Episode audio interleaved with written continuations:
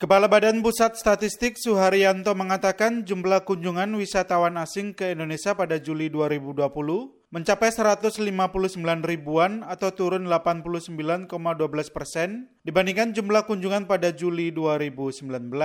Namun jika dibandingkan jumlah kunjungan pada Juni 2020 mengalami kenaikan sebesar 0,95 persen. Sebagian besar wisatawan masuk melalui jalur darat dengan persentase 66,3 persen, Disusul jalur laut 31,2 persen dan udara 2,5 persen. Sementara dari sisi negara paling banyak berasal dari Timur Leste dan Malaysia. 53,4 persen dari jumlah wisman yang datang ke Indonesia itu adalah dari Timur Leste.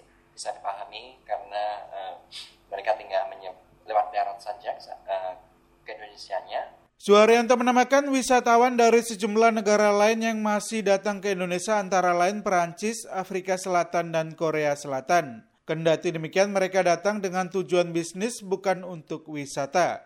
Secara keseluruhan wisatawan asing yang datang ke Indonesia dari Januari hingga Juli 2020 mencapai lebih dari 3,2 juta kunjungan menurun 64,6 persen dibandingkan periode yang sama tahun lalu.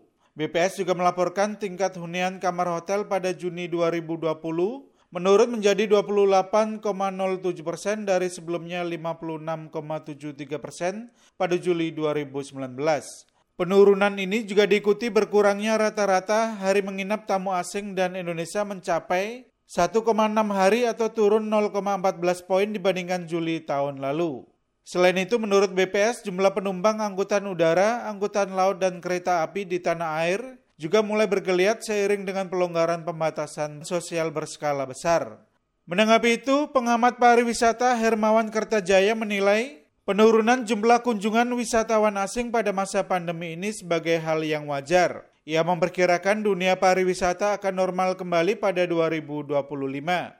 Menurutnya, denyut pariwisata di tanah air kini hanya ditopang dari pariwisata lokal atau nasional. Karena itu, ia menyarankan pemerintah untuk memperbaiki kualitas tempat wisata dengan konsep alam, budaya, dan sosial ekonomi. Karena orang ramalannya sesudah ini akan prediksi UNWTO itu akan tinggal itu tidak akan sebentar-sebentar, nggak sebentar pergi, sebentar pergi, tapi menikmati dia. Hermawan Kartajaya juga mengusulkan pemerintah untuk membuka pariwisata ganda dengan menggandeng negara-negara tetangga untuk membangkitkan dunia pariwisata. Hal ini dilakukan Jepang dan Korea Selatan. Dari Jakarta, Sasmita Madrim melaporkan untuk VOA Washington.